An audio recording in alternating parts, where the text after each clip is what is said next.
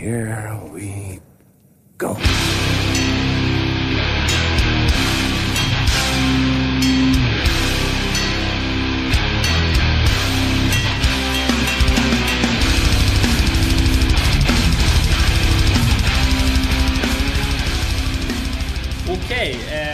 Avsnitt 19 av Nere på noll. Eh, klockan är alltså sådär 22.16 och vi sitter i några slags katakomber i Kulturhuset i Örebro. Så om någon hör det här, ring polisen. ja, exakt. eh, men vi har... Ja, vi försöker ju söka skydd från det jävla vuxendiskot som pågår här som någon typ av efterfest till eh, Spring Edge-gigget. Så hör ni något ontsa ontsa i bakgrunden så är det inte vi som poppar. Eh, vi har ju fått lite, lite feedback. Eh, Henrik Backoberg eh, tyckte att jag hade gjort en korrekt eh, bedömning av Good Riddance och sa att de är, eller speciellt då Rust Rankins, alltid supertrött på scen. Eh, och hade som eh, ja, men en liten paradox där i och med att han jobbar som talangscout för, för hockey. Och borde ju vara mer socialt utåtriktad än vad han visar på scen. Fan, är inte det världens nördigaste jobb? Det behöver man inte vara social för.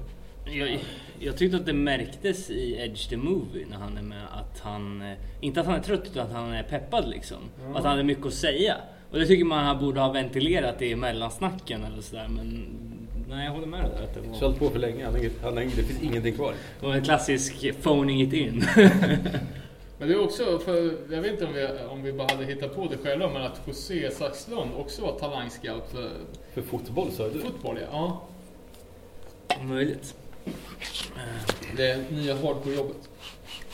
Eh, Och Henrik nämnde även någonting som jag hade glömt bort från Earth Crisis-dokumentären. Att Carl skulle spjura till det lite och snodde en golfbil och cruisade runt med. Så jävla Jag, jag, jag, det enda jag kommer ihåg, som jag inte vet om, om det verkligen har hänt eller om det är någon annanstans, är att de åkte en jävla Finlandsfärja, ish, och, och kastade möblerna över, över bord. Örtskärse? Ja, det känns ju jävligt oekologiskt. Är det inte när han började dirigera trafik i Japan också?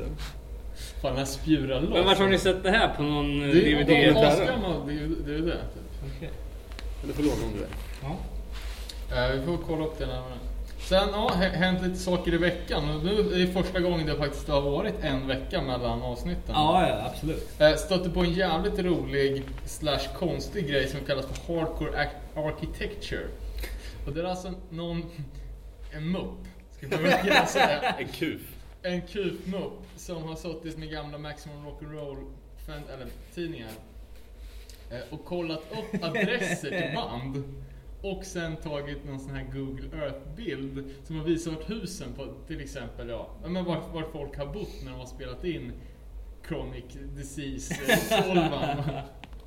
och det fanns liksom hur många som helst. Fan vad nice, finns det att kolla upp någonstans? Ja, jag kan länka det. Det var jävligt kul. Och det var ju bara så supersmå enplansvillor typ med öken runt omkring. Eh, sen har ju kvinnohataren Richie Crutch och eh, galna Josef Svart eh, en ny platta på gång med sitt band Wisdom in Chains. En låt ligger uppe som teaser på jävla Revolver Mags hemsida.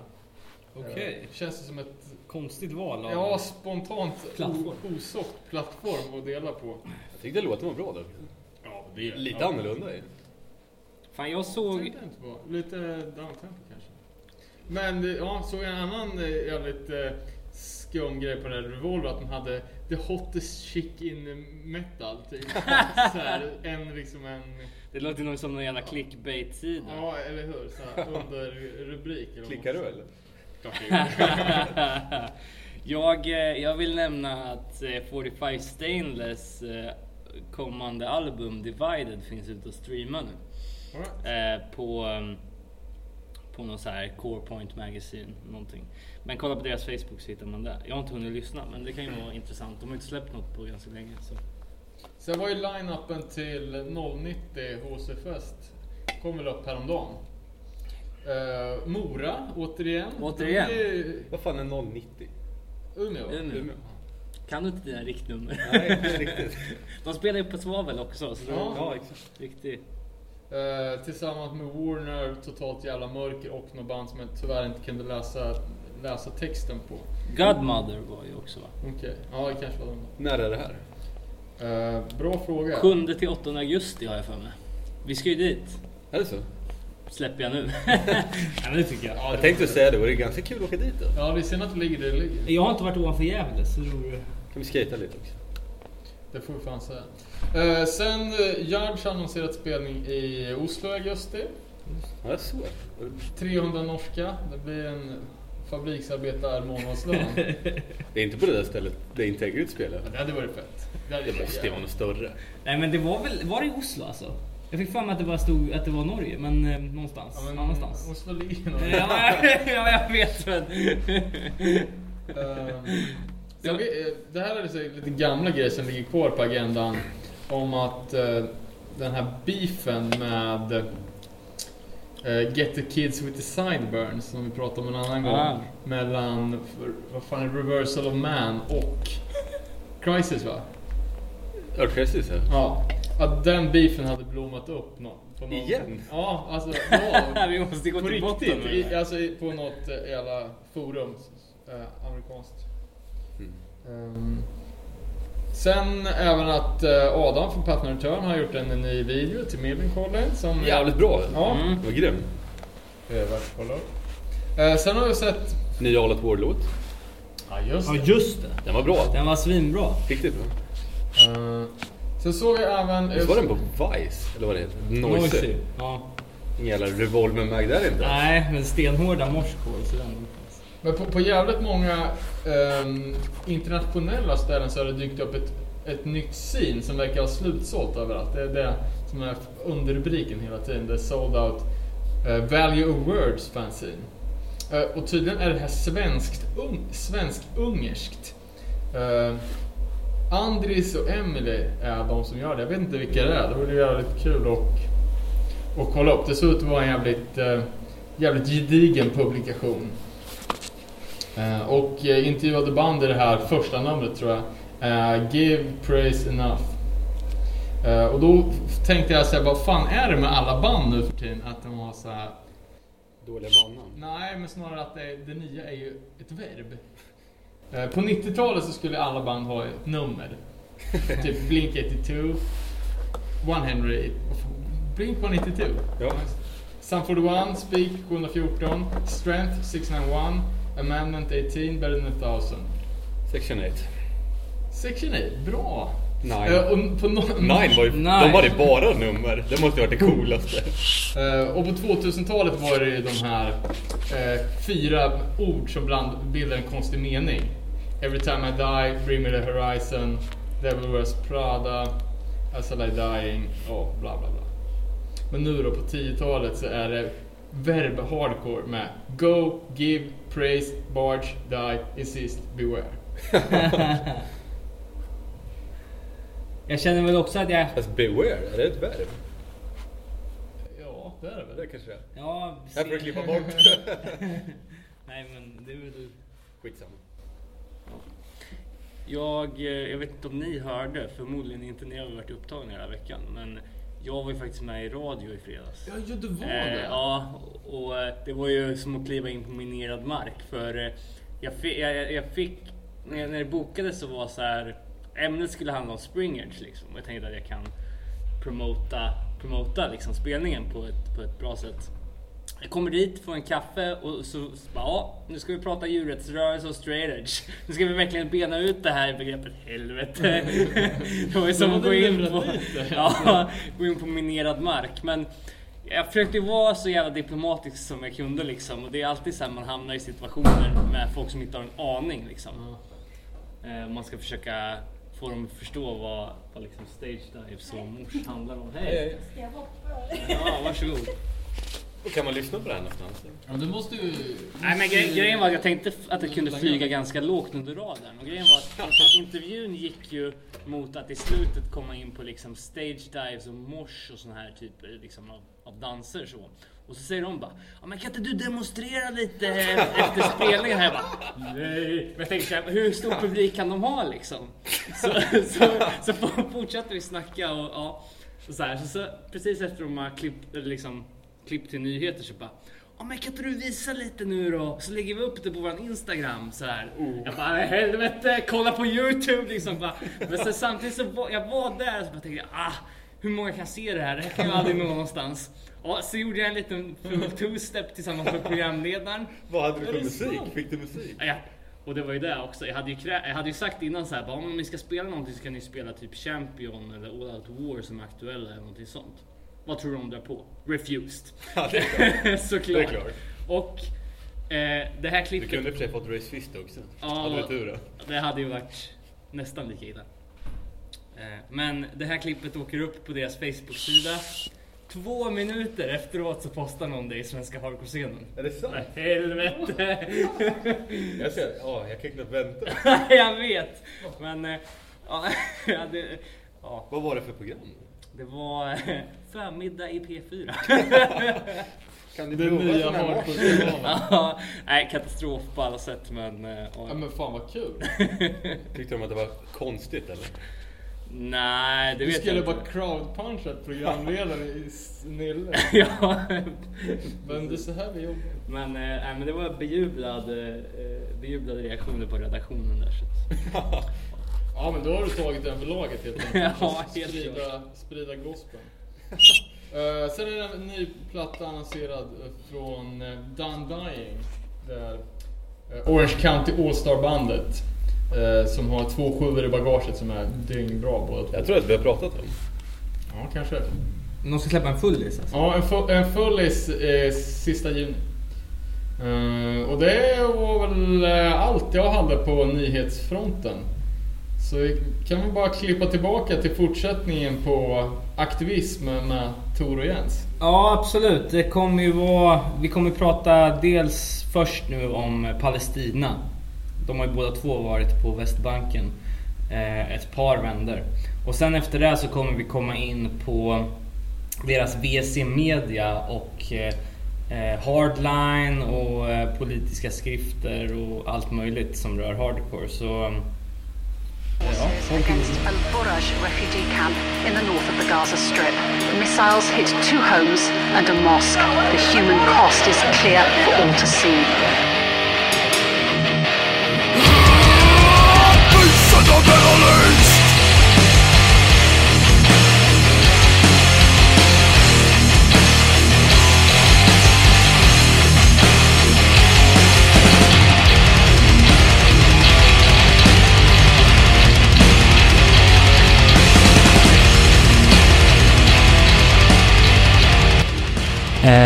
Ja, en, en annan del av eh, världen som ni båda två har varit aktiva i är ju Israel-Palestina-konflikten. Eh, ni har båda två varit på Västbanken eh, och eh, jag tänkte vi skulle komma in lite på det nu. Jag undrar först och främst, när fick ni upp ögonen för den konflikten? Alltså jag minns när jag var på en spelning i Linköping för, det måste vara typ 2001 eller 2002 med ett band som heter Dirja Sin. Och det här var precis i när det andra palestinska upproret höll på och de, de var och turnerade. Eh, och det är ett israeliskt hardcoreband och de pratade mycket om, om eh, Israel-Palestina-konflikten.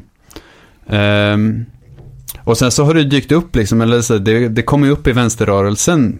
Eh, ja men lite nu och då liksom, mer om, om Israel-Palestina och eh, kolonisationen av Palestina liksom som Israel håller på med och bosättarpolitik och sånt. Och det var väldigt svårt att greppa liksom faktiskt hur det ser ut liksom. Och sen så när jag kom hem från Australien 2010 eh, och jag visste att jag ville göra någonting igen. Eh, men jag ville inte ge mig ut med Sea Shepherd igen för jag hade lite bränt mina broar där. Eh, och funderade på om jag skulle åka med Ship to Gaza för att typ Medelhavet är en, en jävla ankdamm liksom och det är helt omöjligt att bli sjösjuk. Och, och sen så kom jag på att säga, nej men det, jag är inte känd typ och jag har inga papper på att jag har någon sorts sjömansutbildning så jag är helt värdelös att ha med. Men då frågade Erik från ehm, ehm Forever Young om, om jag ville åka med honom och eh, en kamrat som heter Lotta till, till Palestina. Eh, och jag och Jens bodde ihop då så det blev väl lite att vi fick den förfrågan samtidigt liksom. Mm. Och då, jag tänkte väl att så här, ja det, det är väl klart jag gör det liksom. Och sen så mm, åkte jag dit 2011, första varvet. Okej. Vad var ert uppdrag där då? Vi åkte dit med en eh, organisation som heter International Solidarity Movement, eh, ISM, som är en eh, palestinskledd organisation eh, som jobbar med solidaritetsarbete eh, på plats i eh, Palestina. Så eh, det vi gjorde var ju eh, ganska mycket att resa runt på Västbanken och eh, dokumentera vad vi såg, eh, delta på aktioner och demonstrationer. Det finns liksom många olika eh, delar av ISMs arbete men eh, Ja, ISM bildades ju som en av palestinier och internationella aktivister för att under det här andra palestinska upproret, den andra intifadan, då gick israeliska militären på alla protestyttringar som om de vore som om de vore beväpnade. Det var ett väldigt, väldigt, väldigt starkt våld liksom mot den palestinska civilbefolkningen från israeliska statens sida.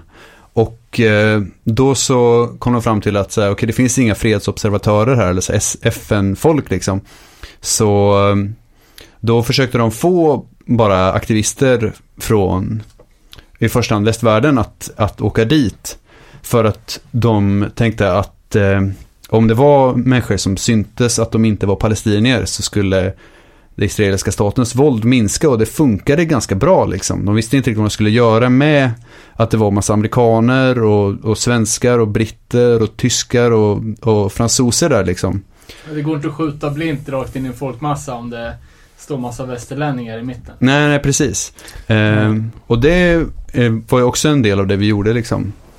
det finns en, eh, en rasism inbyggd i det här eh, systemet i, i eh, Israel, den koloniala ideologin i Israel.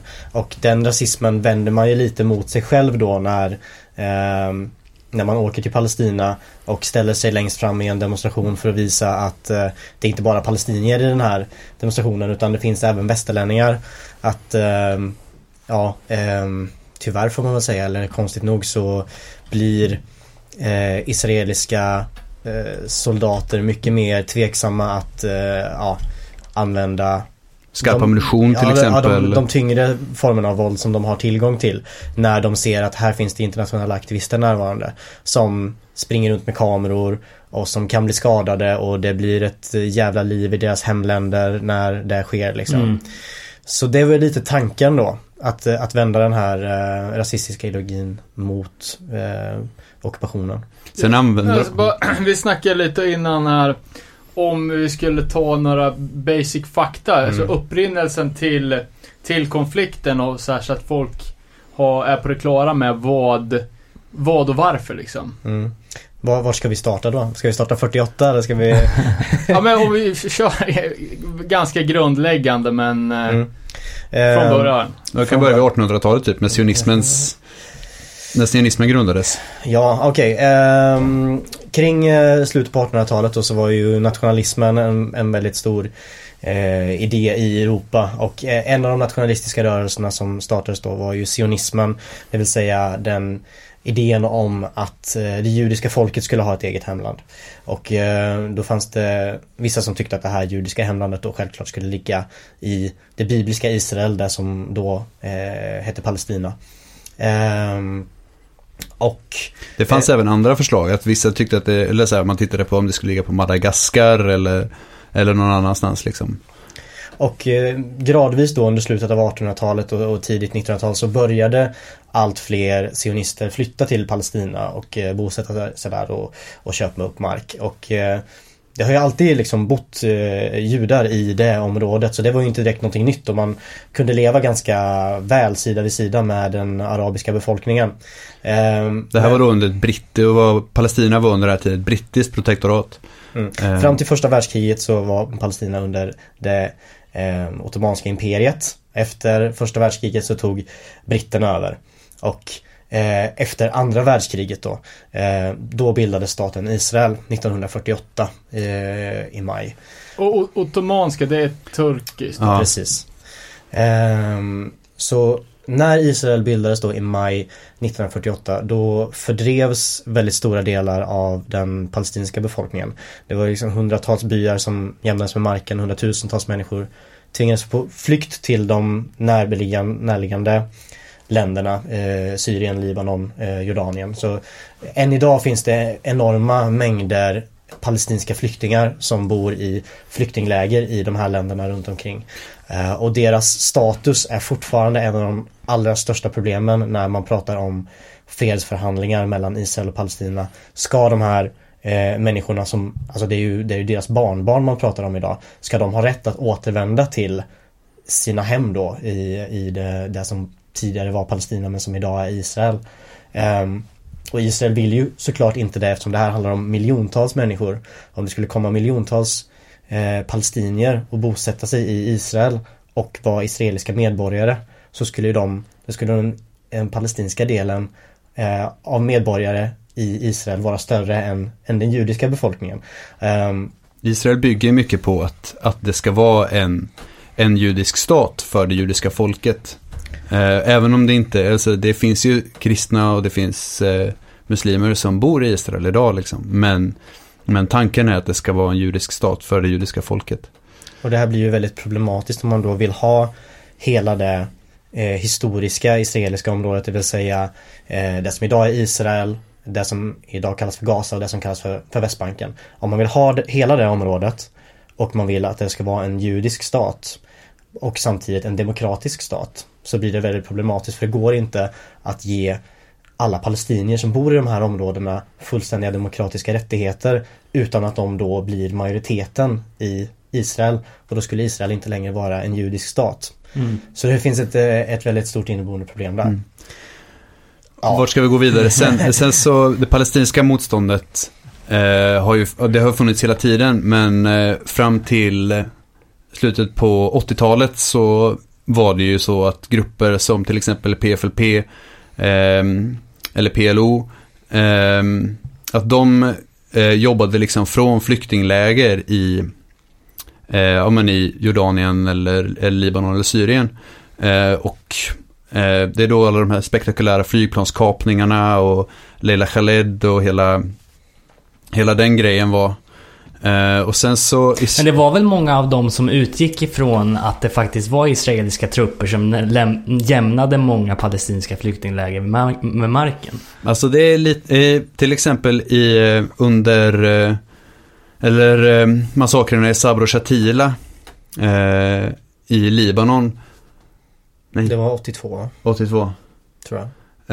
Då var det, det var ju under ett pågående krig mellan, mellan Israel och Libanon. Men då var de här flyktinglägren, de var omringade av israeliska trupper. Men de som eh, eh, gick in och utförde de här massakrerna, Mm. det var inte israeliska soldater utan det var eh, kristna libanesiska extremister Okej. som gjorde det. Fast de fick eh, passage in till flyktinglägret och passage ut till flyktinglägret av den israeliska armén.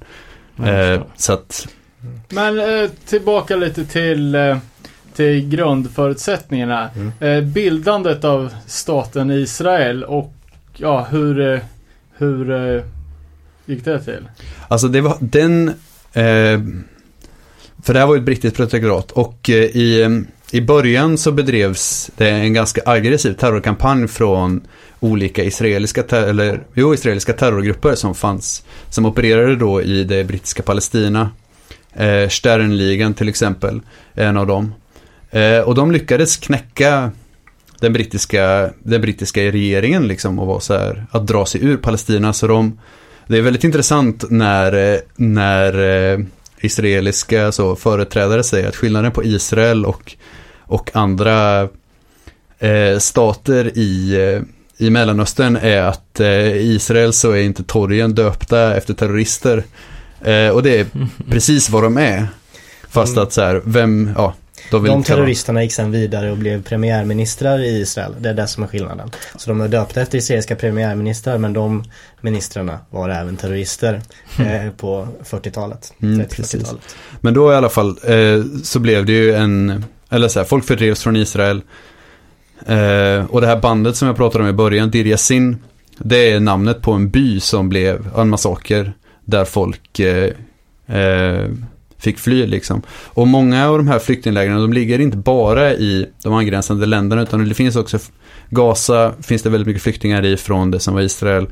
Eh, I Nablus, där jag har varit mest, finns det ett par flyktingläger med folk som har flytt från, eh, från när Israel grundades.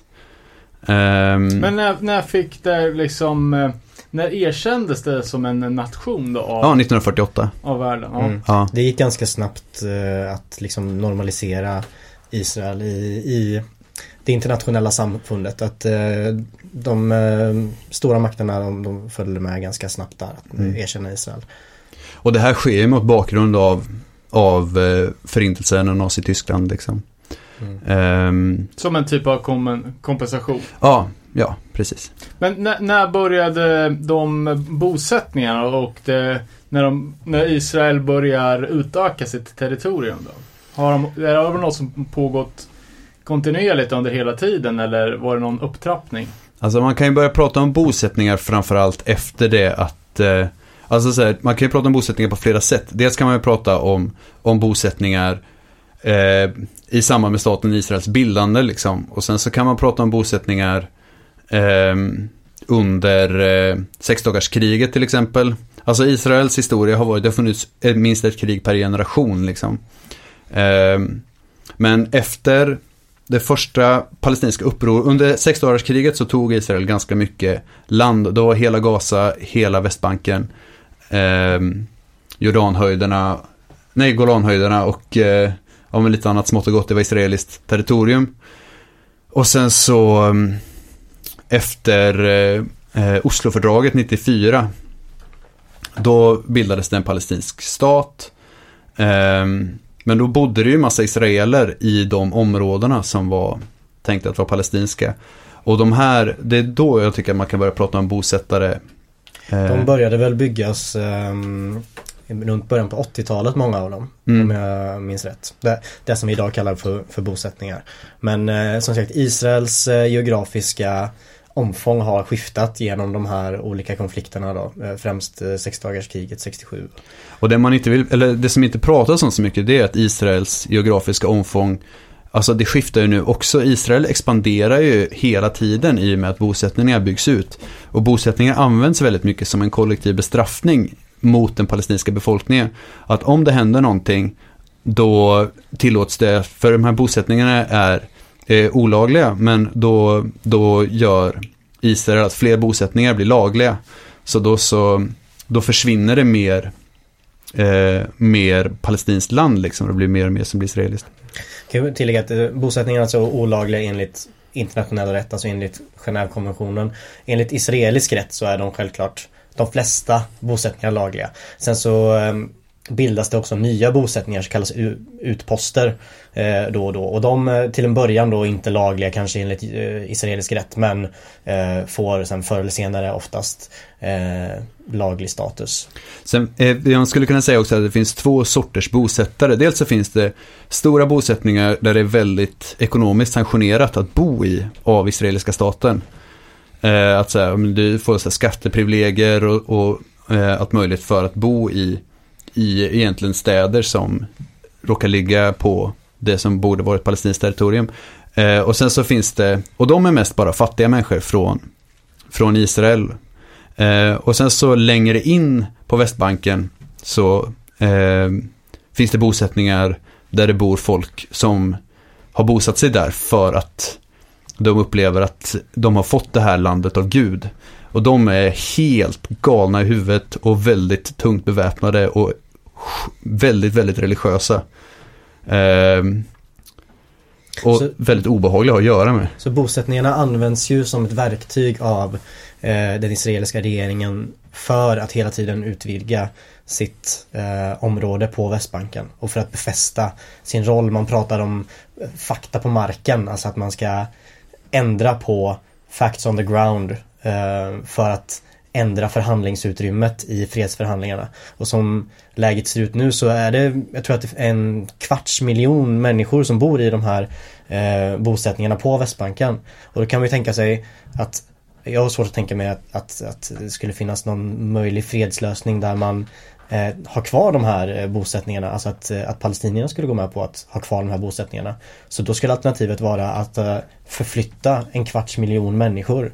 Och det är ju jättesvårt och för varje år som går och för varje år de här, år de här um, bosättningarna får fortsätta utökas så, så blir det ju svårare och svårare att nå en lösning på vad, vad man ska göra med de här, de här um, bosättningarna.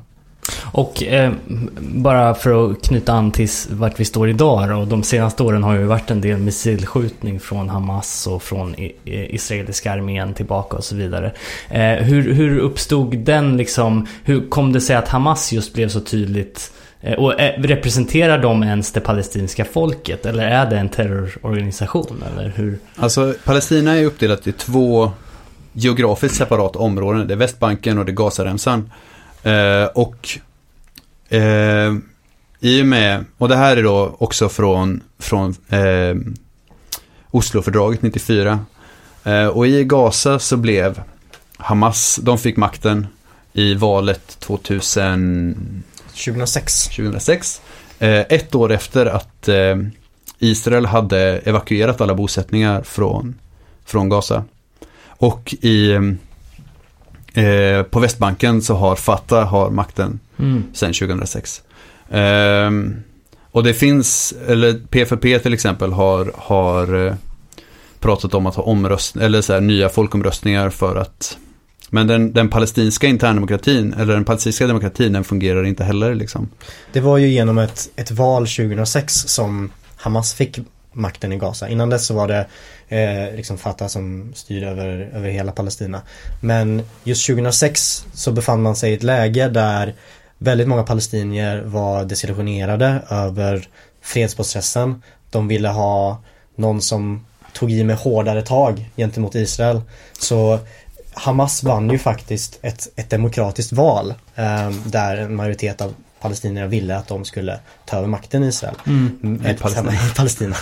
Ehm, men, Sen är ju Hamas ett, ett jävla osoft gäng liksom. Ja precis, att omvärlden eh, godkände ju inte det här eftersom många anser att eh, Hamas är en, eh, en terrororganisation som inte erkänner eh, Israels existens och, och som eh, har eh, Eh, kopplingar med, kopplingar med militanta grupper liksom, som utfört eh, diverse aktioner. Liksom. Eh, så resultatet av det här blev en intern strid i det palestinska samhället mellan eh, Hamas på ena sidan och Fatah på andra sidan. Och, och eh, i slutändan så blev det den här uppdelningen då att eh, Hamas tog eh, makten i Gaza där folk överallt, alltså där läget är värre och folk därför generellt är lite radikalare. Eh, medans Fatah tog eh, makten i, på Västbanken. Så man skulle väl kunna säga, det är svårt att säga hur väl Hamas eh, kan representera det palestinska folket. Jag tror att det helt klart finns väldigt många palestinier som är väldigt desillusionerade och upprörda över hur deras situation ser ut och som vill att man ska ta i med hårdare tag gentemot Israel liksom. Ja, för när du just säger det här hårdare tag och man pratar kring den här fredsprocessen som har varit och så här, Allt det där grundas väl på hur pass stort område geografiskt som Palestina ska ha jämfört med Israel liksom. Och rätta mig om jag har fel nu, men har inte den förhandlingen varit till Palestinas nackdel många gånger i det att man har lagt fram förslag på att ja, men vi kan ta så här många procent. Nästa gång tar vi ännu mindre procent men vi är okej med det och så vidare. Mm. Senast jag var i Palestina så, så hörde jag en, ehm, en väldigt bra liknelse hur de här fredsprocessen eh, går till. Att det är som att du sätter dig ner eh, vid ett bord och så ska du diskutera med din motpart hur stor del av kakan ska jag ha och hur stor del ska du ha. Men under tiden som ni pratar så sitter din motpart och äter upp kakan. och det går liksom inte att föra en diskussion på de eh, premisserna. Ehm, Situationen i Gaza är också, alltså Gaza har varit blockerat sen, sen eh, 2005 och lever helt på Israels nåd liksom. Mm. Att så här, får man ta in, vad får man ta in, vad får man inte ta in? Visst, eh, Hamas har, har tunnlar till Egypten men alltså det går inte att få in tillräckligt mycket grejer för att kunna bygga ett, ett ordentligt samhälle där liksom. Det Eh, finns ett enormt behov av eh, att bygga nya skolor till exempel. Gazas befolkning består till oerhört stor del av barn. Ehm, och det finns inte ja, det finns inte eh, adekvat sjukvård och det finns inte material för att bygga skolor. Liksom. Det, det är en riktig, riktigt pissig situation i, i Gaza. Eh, jag får för mig också att det på något hörn i den här konflikten finns ett Amerika som eh, sitter och eh, skyfflar dollars i en eller annan riktning.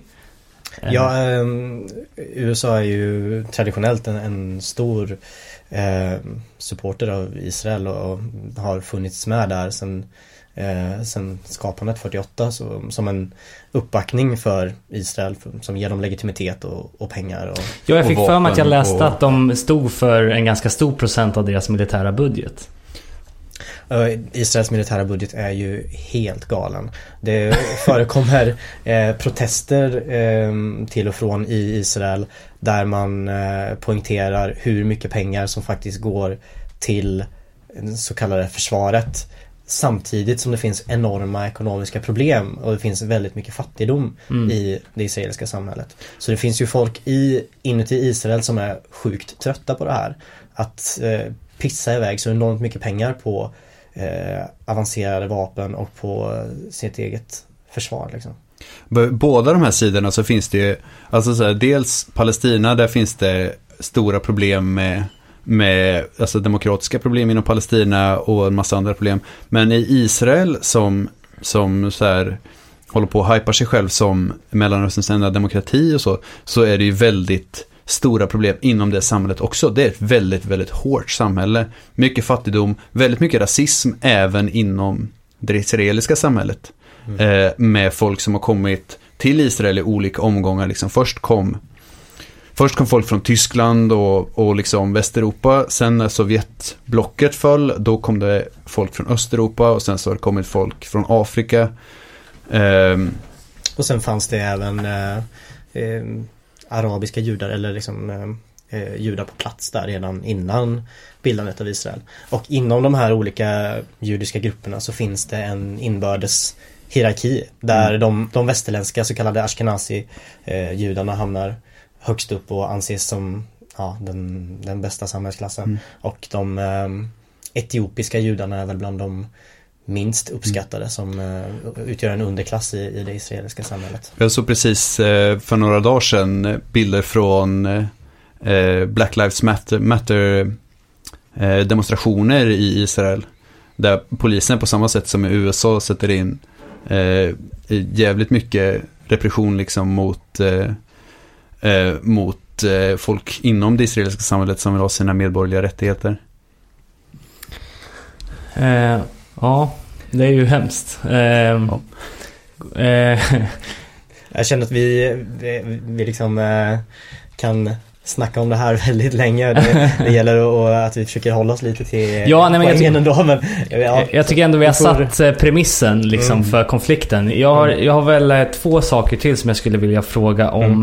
Eh, det ena är när vi pratar om Gaza och dess eh, instängdhet eller av... Mm. Ja, eh, hur pass viktigt är eh, jag vet inte om det är ett internationellt eh, arrangemang eller ett internationellt påfund eller om det är svenskt. Men Ship to Gaza till exempel. Alltså, Ship to Gaza handlar ju väldigt mycket om att eh, uppmärksamma blockaden av Gaza. Mm. Eh, visst, man försöker praktiskt få in byggmaterial, sjukvårdsmaterial och andra förnödenheter till Gaza. Men samtidigt så, så eh, handlar det väldigt mycket om att så här, varje gång ett skepp blir, blir stoppat, eller första 2010 när, eller om det var 2009, du, det, jag tror att det var 2009 första, första när eh, folk blev ihjälskjutna på det turkiska fartyget. Så då var det en väldigt, en väldigt stark eh, påminnelse om att så här, att det här är inte, det här är inte normalt liksom. Och varje gång ett, ett fartyg blir kapat på internationellt vatten av, av israeliska kustbevakningen så borde det vara en, det är en pirathandling liksom. Precis. Men eh, det är ingen som Det är ingen som vill benämna det vid det och det är någonting som är viktigt att, att trycka på liksom. Eh, ja, absolut. Och nu, eh, vad var det i den åttonde i fredags så eh, gick eh, det kommer en ny båt nu så de hade avskedskalas i eh, Röda Sten i Göteborg. Okej. Eh, och nu så börjar förberedelserna för att skicka ytterligare en båt. Eh, Men jag tänker på när ni var på plats då. Hur såg era dagar ut? Hur bodde ni och vad, Mm. vad Eh, pysslade ni med? ISM har eh, liksom lägenheter på plats i eh, Palestina som vi, vi bodde främst i Nablus eh, men vi var även nere i Hebron och, lite grann i Ramallah. Och eh, just vad man gör på plats varierar ganska mycket beroende på vart man är någonstans. Och vad Eh, som händer. Ja, vad som händer. Eh, Hebron är en väldigt speciell stad i och med att det, det är en palestinsk stad mm, på Västbanken. Men det finns en grupp eh, bosättare som har tagit bostäder inne i centrala Hebron. Och eh, de har också då åtföljts av ett stort gäng militärer som vaktar dem. Så på, i, i Hebron så handlar det dagliga arbetet väldigt mycket om att eh, kontrollera olika checkpoints inuti staden. Att se till så att ehm, skolbarn kan ta sig till och från skolan till exempel utan att eh, stannas vid checkpoints och, och trakasseras. Eller bli attackerade av bosättare Eller som kastar sten på dem eller så. De här bosättarna är ju fruktansvärt läskiga. Eh, framförallt tycker jag det är läskigt att se bosättarnas barn som från barnsben lär sig att de får behandla andra människor precis hur de vill. Så länge de här eh, andra barnen är palestinier eller vilka människor som helst egentligen. De, eh, de går ju på vem som helst och liksom ifall du är en internationell aktivist som kommit hit för att visa solidaritet med, med palestinierna då är du ju nazist och de går på dig och, och spottar på dig, kastar sten på dig. Och det här är fyra femåringar vi pratar om. Ja, och de vet att ifall, ifall de här andra människorna gör någonting mot dig Då kommer det en kille med en M16 från armén och plockar bort den här killen för det, det finns liksom ingen möjlighet att du skulle kunna eh, slå tillbaka mot en, eh, en bosättare som angriper dig. Det är helt otänkbart. Eh, Så det är situationen i Hebron, den är väldigt speciell. Eh, I Nablus så finns det inga bosättningar inne i staden. Det är en, eh, en palestinsk stad i norra delen av Västbanken. Eh, däremot finns det gott om bosättningar eh, runt omkring staden. Så det finns mindre byar kring Nablus som eh, Eh, bor grannar då med bosättningar. Så där handlar arbetet kanske mer om att åka ut till de här byarna och eh, höra sig för hur, hur livet ser ut där. Eh, de får ofta liksom påhälsningar av eh, bosättare som bränner deras eh, olivträd eller eh, sprayar på deras hus eller eh, ja, beter sig i största allmänhet. Eh, attackerar, skjuter. Varje år är det en kampanj också som handlar om olivskörden. Att de vill att folk ska åka ut till de här byarna för att de ska få plocka sina oliver i fred utan att bli trakasserade av bosättare och soldater. Eh, Den brukar vara i oktober. Så det är väldigt mycket åka runt, möta folk, liksom höra folks berättelser. Hur, hur livet är under ockupation eh, och dokumentera. Och sen som sagt är det en del demonstrationer också. Eh, fredagen är ju en ledig dag i Palestina eh, och då passar många byar på att organisera demonstrationer mot ockupationen eller mot en specifik eh, roadblock eller, eller checkpoint eller någonting. Olika uttryck för ockupationen egentligen. Ja, alltså just de här eh, fredagsdemonstrationerna är ju någonting som du tar upp i, i din podcast som du gjorde när du var där nere för två år sedan eller tre år sedan. Den podcasten gjorde jag för tre år sedan. Mm. Ja. Men det som, det som gjorde starkast intryck på mig när jag lyssnade på den, det var ju dels eh, alltså att det nästan blev som liksom, en upptrappning hela tiden de här fredagsdemonstrationerna. I alla fall så som du beskrev det liksom. Att det var väldigt hetsk stämning liksom, vissa Det är gånger. ett konstant maktspel på de här eh, demonstrationerna. Att själva poängen med demonstrationen är ju att den palestinska byn, de palestinska aktivisterna vill visa att de är upprörda, de går inte med på hur de behandlas och de vill göra en, eh, en kraftuppvisning eh, i stort sett genom att eh, demonstrera och, och marschera och, och protestera mot det de tycker är fel. Och det, det faller ju då på eh, ockupationsmakten att försöka pressa ner det här för de vill ju inte ha de vill inte att det här upproret ska sprida sig för det var ju så här de eh, upproren startade liksom med eh, folkliga uppror, demonstrationer som spred Mm. sig. Så det finns ju ett intresse där att, att pressa ner de här demonstrationerna. Och ehm, det leder till att de här demonstrationerna bemöts i stort sett alltid med eh, tårgasbeskjutning, eh, gummimantlade stålkulor, ibland även skarp ammunition. Ehm, och ja, här, där sker det ju som sagt en, en upptrappning och just nu så verkar vi vara inne i en period då det har blivit väldigt våldsamt. Jag var nere för ungefär en månad sedan och um, jag tror att um, det är nästan varje fredag så är det någon som blir skjuten med eh, skarp ammunition just nu. Det, det har trappats upp väldigt mycket de senaste åren. Mm. Och det är väldigt läskigt att, att se. Och det här är trots att eh, det fortfarande förekommer internationella solidaritetsaktivister i demonstrationerna så skjuts det väldigt mycket mer.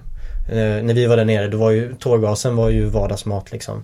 Men det var inte jättevanligt med de eh, gummimantlade stålkulorna och ehm, eh, liksom skarp beskjutning var väldigt ovanligt när vi var där nere. Nu är det i stort sett varje fredag.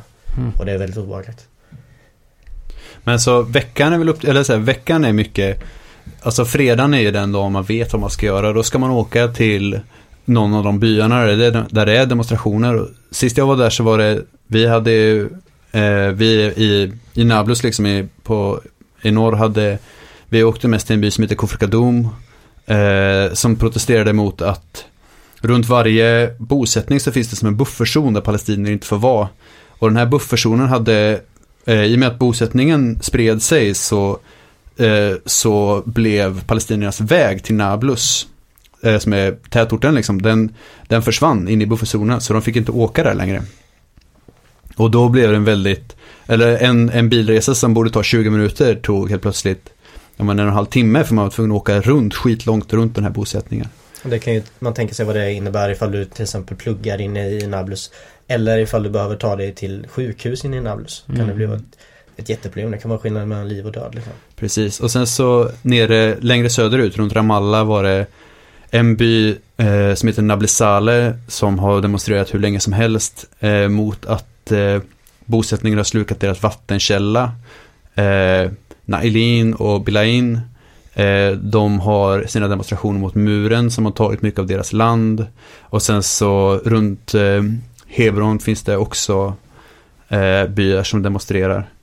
Eh, Men de demonstrationerna jag har jag har aldrig varit på. Och nu kan det vara så, det var länge sedan jag var där nu, men nu kan det vara så att det är nya byar som demonstrerar mot andra, andra uttryck för ockupationen liksom.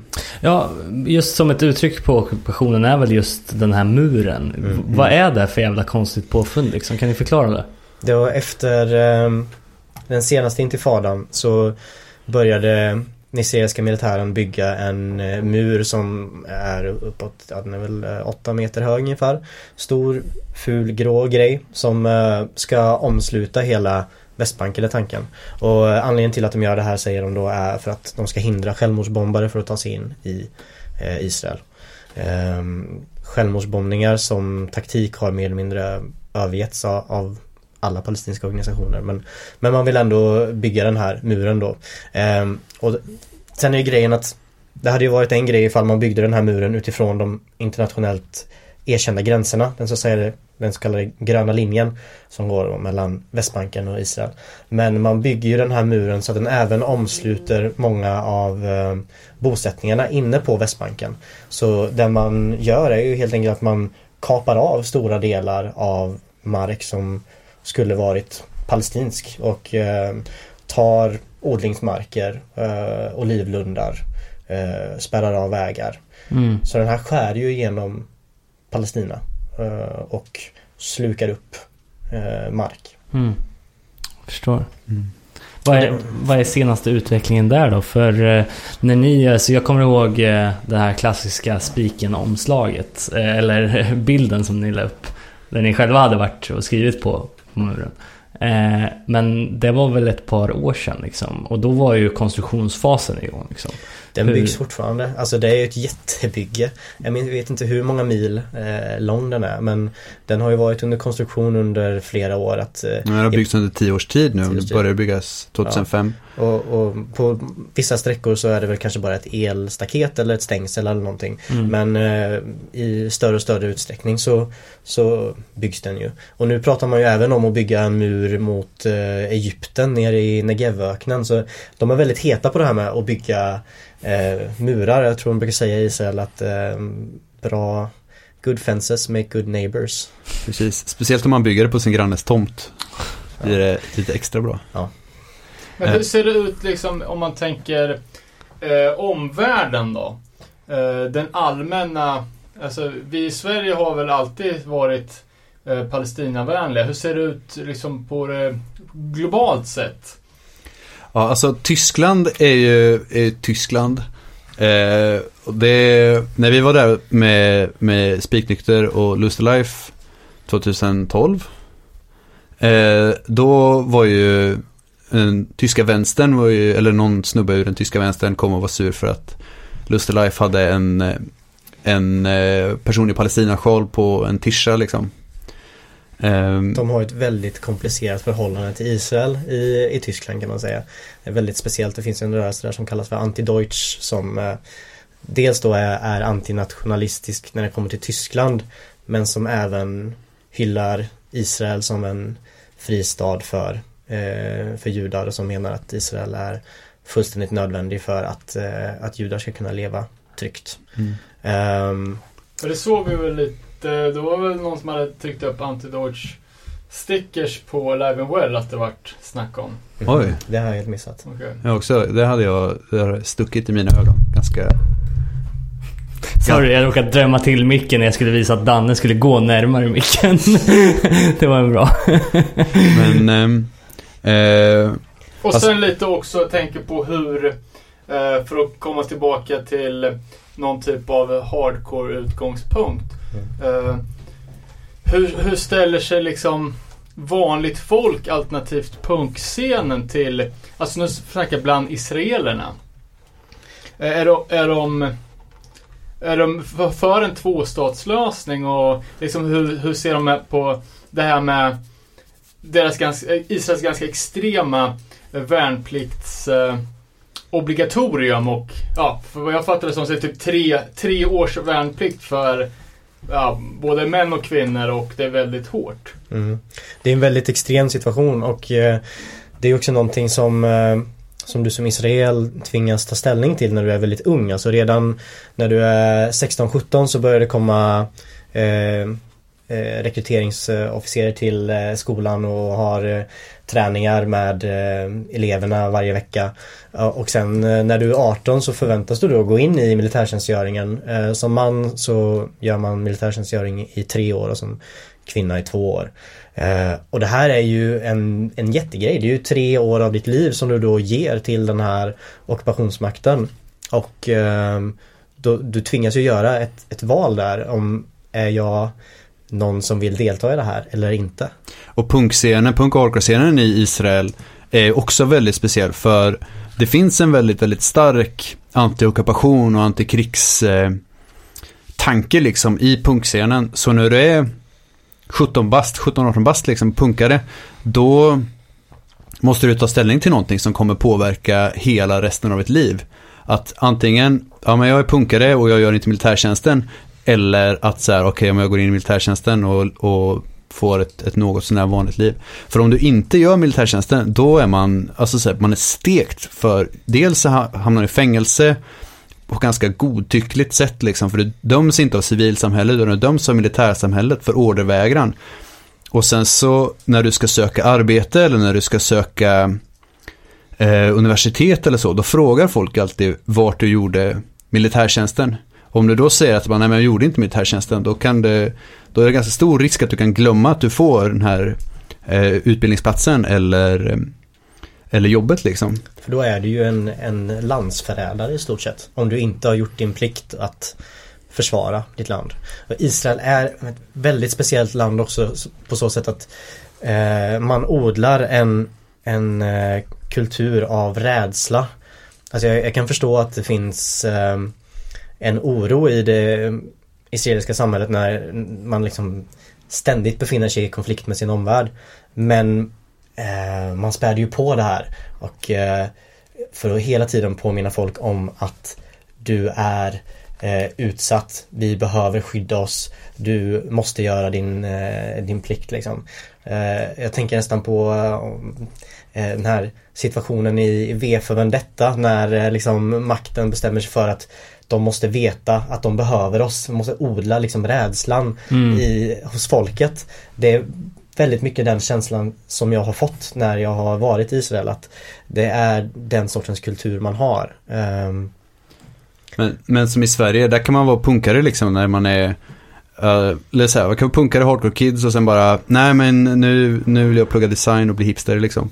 Eh, och, eh, men det. Exakt, det innebär ju inget livslångt stigma att, eh, att man en gång haft tuppkam. Nej, nej, precis. Eh, Shots fired känns det som.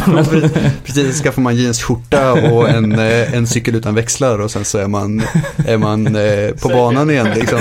Men, eh, men där måste du, där är det ett val som du gör när du är 18 som du måste ta ställning till för en, ja men för överskådlig framtid liksom. Mm. Och det gör att det blir en väldigt, väldigt speciell scen. De är väldigt politiska också. Alltså, där uppfattar jag det som att eh, de allra flesta punkare är också politiska aktivister och deltar, i alla fall under en period av sitt liv, i väldigt mycket demonstrationer och aktioner på Västbanken och solidaritetsarbete med eh, det palestinska folket. Och de israel, några av de israeliska punkare som jag känner har blivit skjutna flera gånger till exempel. eh, en vän som har fått, eh, har jättemycket problem med sina knän för att hon har blivit, eh, ja man har fått sina knän sönderskjutna med gummikulor eller sönderslagna liksom av, av israeliska soldater när hon har varit eh, och deltagit i demonstrationer på Västbanken mot ockupationen och så. Så det är väldigt, alltså så här, det är ett, det är ett, ett våld som är som är svårt att föreställa sig liksom med punkmått i Sverige liksom. Mm. En av de första kontakterna jag hade med den här konflikten var när jag läste boken Sober Living for the Revolution. Ehm, där finns det ett eh, kapitel som är skrivet av en israelisk aktivist där han beskriver den israeliska scenen och liksom skriver om hur hans kompisar blir skjutna var och varannan vecka när de åker på demonstrationer liksom. Och eh, för mig var det verkligen en eh, ögonöppnare liksom att så här, det är verkligen en, en helt annan eh, värld än, eh, än vårt ganska bekväma eh, Mm. leverne här. Att liksom vara aktivist och punkare och straight edge eh, här är någonting helt annat än, än där, där du verkligen sticker ut ur samhället och du, du lever i ett samhälle där du inte kan undvika att ta ställning i en så infekterad och, och komplex konflikt. Om, om man får titta framåt i tiden då. Jag tänker på framförallt det som skedde i år i och med att Sverige erkände Palestina. Eh, hur ser ni på det och hur tror ni att framtiden kommer se ut för eh, Palestina i ett internationellt perspektiv? Det, det är jättesvårt att säga. Jag pratade med Israel, nej palestinier senast jag var där nere som, som tror att Israel kommer inte finnas kvar inom tio år, att det kommer eh, kollapsa eller eh, något sånt där. Men Jag tror Eh. snarare tvärtom att Palestina kommer inte finnas kvar om tio år. Men å andra sidan, svårt att avgöra alltså Palestina som stat eller inte som stat, det, eh, för mig är det inte speciellt viktigt. Eller så här, att det finns en palestinsk flagga och en palestinsk stat, det, det skiter jag i. Men jag tycker att det är förbannat eh, tråkigt liksom, eller att det, det är inte hållbart att folk blir förtryckta på det sättet. Sen när man har en enstatslösning eller en tvåstatslösning eller vilken lösning man nu vill ha, liksom, så länge den lösningen fungerar och att folk kan leva sida vid sida i fred och, och, ehm, och utan förtryck liksom. Så är det, jag är nöjd med det liksom. Mm. Vissa påpekar också att det kan vara till och med problematiskt att, att erkänna att ehm, Palestina är en stat för då kan man få intrycket av att ah, okej men den här konflikten består av en palestinsk stat och en israelisk stat som har konflikt med varandra. När verkligheten snarare ser ut som att ja, det finns en israelisk stat som har ockuperat ett landområde.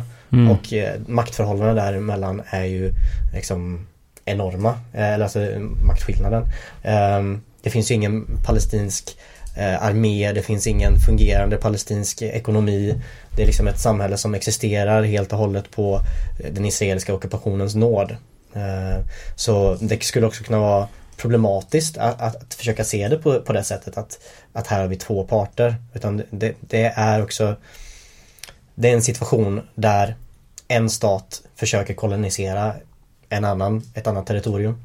Och, och det tycker många palestinier är väldigt viktigt att pusha på. Att det inte är en konflikt med två stycken jämbördiga parter. Så eh, framtiden, ja, fan. Eh, Nej, men det var väl en väldigt eh, svävande fråga och tiden börjar ju gå här också ser jag. Ja. Men, eh, men jag, jag skulle mest vilja... Eh, en avslutande fråga från mig i alla fall, så får du ta vid den om du har något. Men jag tänker så här, vad kan man göra som eh, ung eh, hardcore kid i Sverige för att aktivt liksom eh, förbättra eller bidra till att den här situationen blir bättre. Alltså, jag tänker sådana enkla grejer som att ge fan i att handla Hälsans kök-produkter liksom. Eh, eller kan man skicka pengar någonstans eller bör man Det supporta? finns, eh, det finns alltid grupper som behöver pengar. Och, och det är bara att, att googla runt liksom. Jag, jag tror att eh, ISM behöver säkert alltid pengar. Jag försöker samla in lite pengar till eh, Nailin. De behöver en kamera för att kunna dokumentera sina fredagsdemonstrationer. Så om man vill skänka pengar får man jättegärna gå in på Support Nailin Village på Facebook och, och skänka pengar där. Bojkottkampanjen är också ett, ett palestinskt initiativ som är, som är viktigt. Och sen tycker jag att, eh, alltså, man kan åka dit, man kommer, eller så här, med, med, med största sannolikhet kommer man komma levande därifrån eh, utan några större skador. När jag åkte dit första gången, jag var helt livrädd. Jag var så här, jag kommer, jag kommer dö här, jag kommer aldrig komma härifrån, jag kommer bli skjuten typ första veckan och, sen, och det kommer vara det liksom. Men eh, Alltså just nu så är det, eller just nu ska jag inte säga för det vet inte riktigt hur det ser ut precis just nu eftersom att situationen förändras så snabbt. Men när jag har varit där så har det varit, visst man får andas in en del tårgas om man känner att man vill gå på demonstrationer men, men eh, det, man kan åka dit och det är inte så att man kommer, förmodligen kommer man inte dö för det liksom.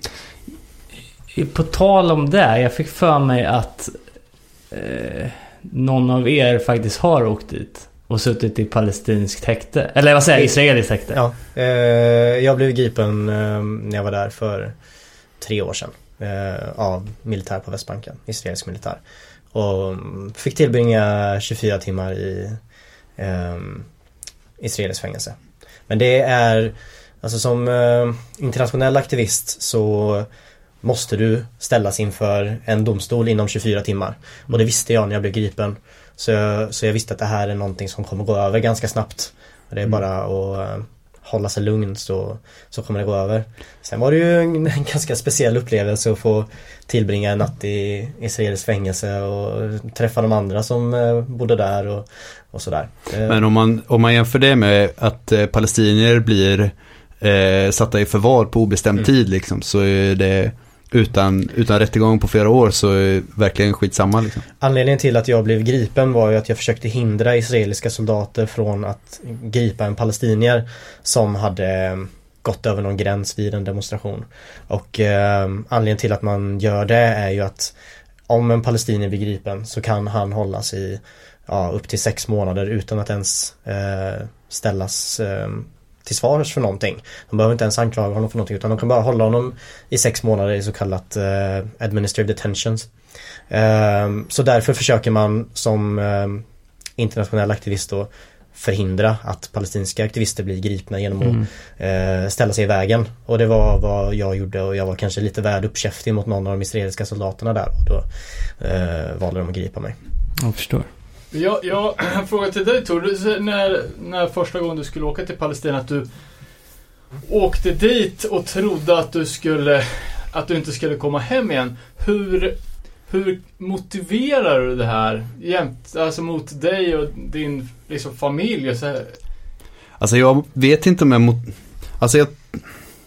Jag vet inte, men det var inte, när jag åkte till Australien så trodde jag inte heller att jag skulle komma därifrån. Och när jag åkte till Grekland så trodde jag inte heller att jag skulle komma därifrån. Så jag målar väldigt ofta upp en väldigt extrem så skräckbild framför mig innan jag åker. Men jag vet inte. Jag kände att så här, jag ska göra det här så får vi se liksom. Men det känns ju taskigt mot mamma och pappa liksom, eller mot eh, mina kompisar, men ja, det brukar, det brukar lösa sig. Ja, det är, ja, det är fantastiskt hur, hur folk kan alltså, riskera liv och lem för, för sina, ja, men för sina, sina åsikter liksom och eh, liksom åka jorden runt och eh, jobba för, ja, men för någon annans räkning. Så liksom, det är ju för verkligen eh, stor respekt till, till de som har det modet att göra sådana grejer. Men det är också, alltså om vi kommer tillbaka in på, på Linus och på antifascisterna i Sverige, alltså de, nu är det inte så många fascister som har blivit, eh, som har dött liksom. Det var nära ehm, eh, 8 mars förra året liksom. Men folk riskerar ju inte bara sina liv på andra ställen utan folk riskerar sina liv här också liksom. Eh, och, och sin frihet och, och framtid liksom. Eh, och sen så, ja, vill man åka iväg och, och göra grejer så kan man göra det. Vill man stanna hemma och göra grejer så kan man, kan man göra det liksom. Ja, Eh, det, var, det är ju lite en konstig fråga att svara på. Jag vill ju bara ändå få någon sagt, få liksom få uttryck för eh, som...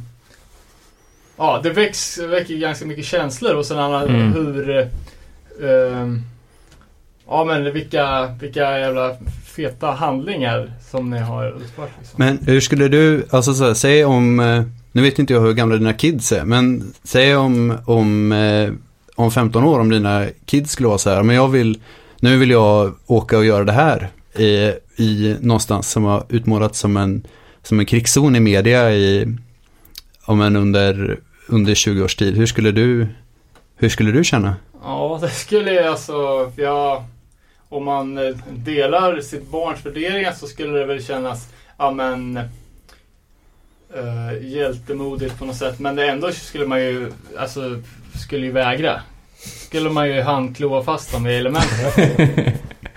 Alltså jag märkte ju av att mina föräldrar var också oroliga när jag åkte ner men jag kände ändå att jag hade deras stöd. Jag, jag kände att um, de uppskattade att jag uh, gjorde någonting som jag trodde på liksom och um, ja, valde att, att ta ställning för någonting.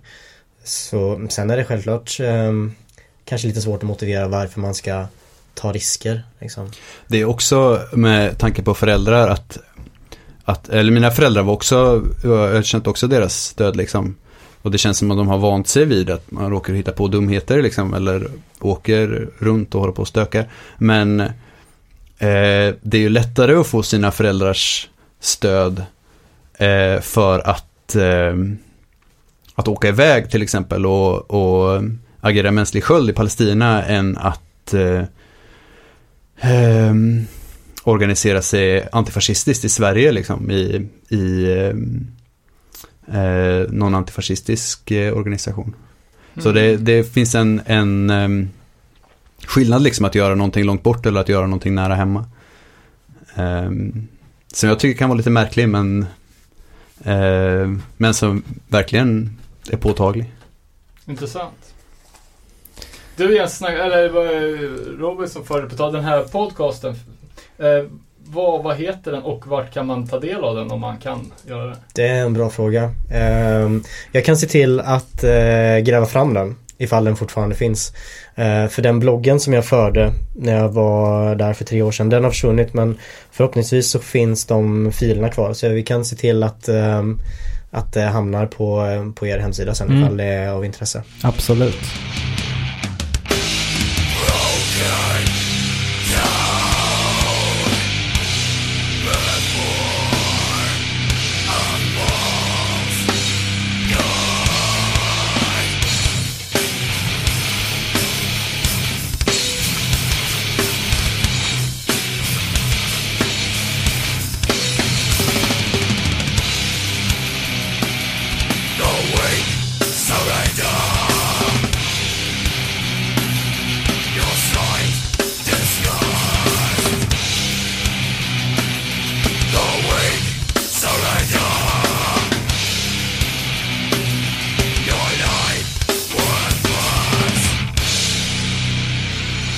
Ja, en annan grej som vi hade tänkt att beröra är ju Hardline, inte minst i kölvattnet av den debatt som väl kom lite ur Alive and Well som var här för några veckor sedan. Eh, Det var bland annat någon som sportade en eh, Vegan Rice t-shirt. Eh, Eller vad fan var det för t-shirt? Det var, Ja, det var en Vegan Rice t-shirt. Och eh, det blev lite uppståndelse kring det där för att eh, folk kanske inte alltid tog hardline på för vad det faktiskt är. Ehm, och eh, samma Nej, sak... både på för stort och på för lite allvar tror jag. Precis. Eh, det var ju någon i, i kommentatorsfältet där i jävla debatten som sa att jag har större respekt för svenska motståndsrörelsen än för hardline. Och då bör man alltså fundera på vart folk har sina prioriteringar. Verkligen. Jag vet inte. Jag är ju kanske inte rätt person att uttala mig, men jag tycker att hardline är en icke-fråga. Jag vet inte hur, hur ni eh, ställer er till det. Jag kan tycka det är lite intressant att ehm, jag har kanske lite så här från på håll som jag betraktar hardcore-scenen idag. Eh, tycker mig se eh, någon slags eh, hardline revival eller att det, det dyker upp kids som tycker att ah, men det är lite coolt att sporta hardline eh, uttryck liksom. Eh, och att jag tror att det grundar sig lite grann i att eh, man inte har något eh, grepp om vad hardline faktiskt är eller vad det representerar för någonting. Och eh, jag tycker att det är lite olyckligt. Ehm, Men jag förstår verkligen vad du menar. Alltså, det är ingen som har, som har delat ut eh, Vanguard-fanzinet på en spelning sen, ja men på den här, den här delen av, av millennieskiftet liksom. Eh, så hardline-rörelsen som den uttrycktes i slutet på 90-talet, är- den var liten redan då liksom. Den är ju, den är ju jävligt långt gången. den är ju död och vi borde ju låta den vara så.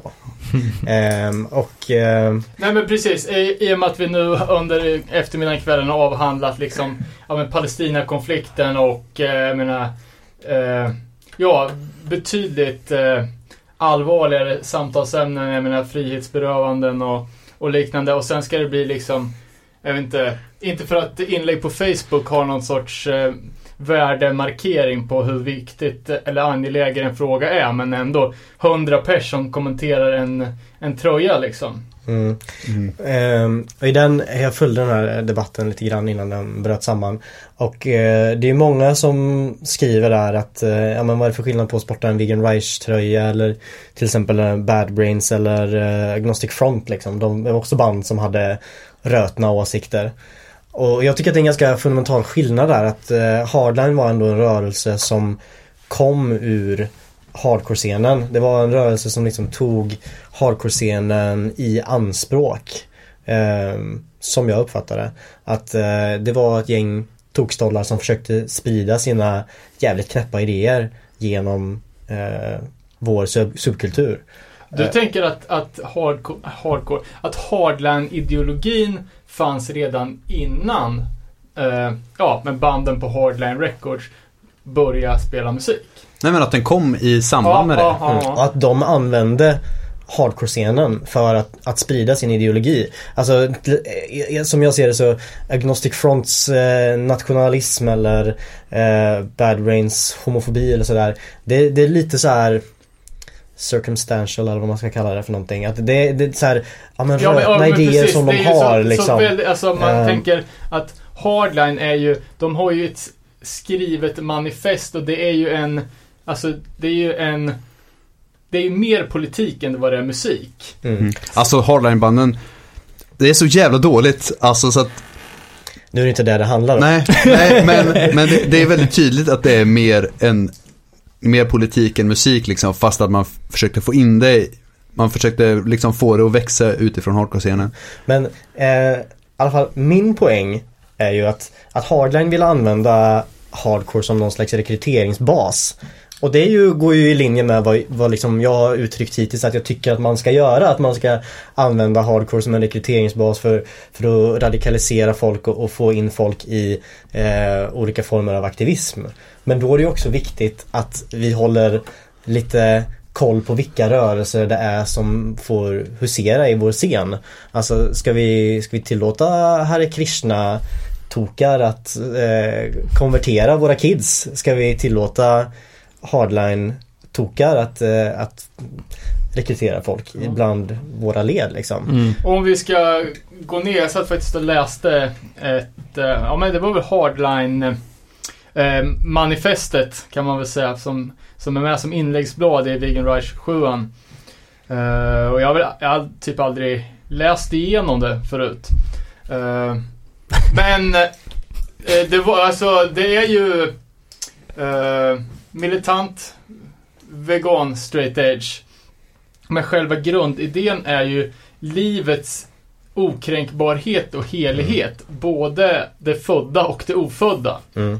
Att så länge du inte gjort någon annan illa så är du ett oskyldigt liv och har okränkbara rättigheter. Precis. Men går du då över gränsen så, har, du inga, rättigheter. rättigheter. Mm. Och då kan man... Eh, går du över gränsen, det är, kan vara genom att äta eller, eller eh, liksom eh, skada djur.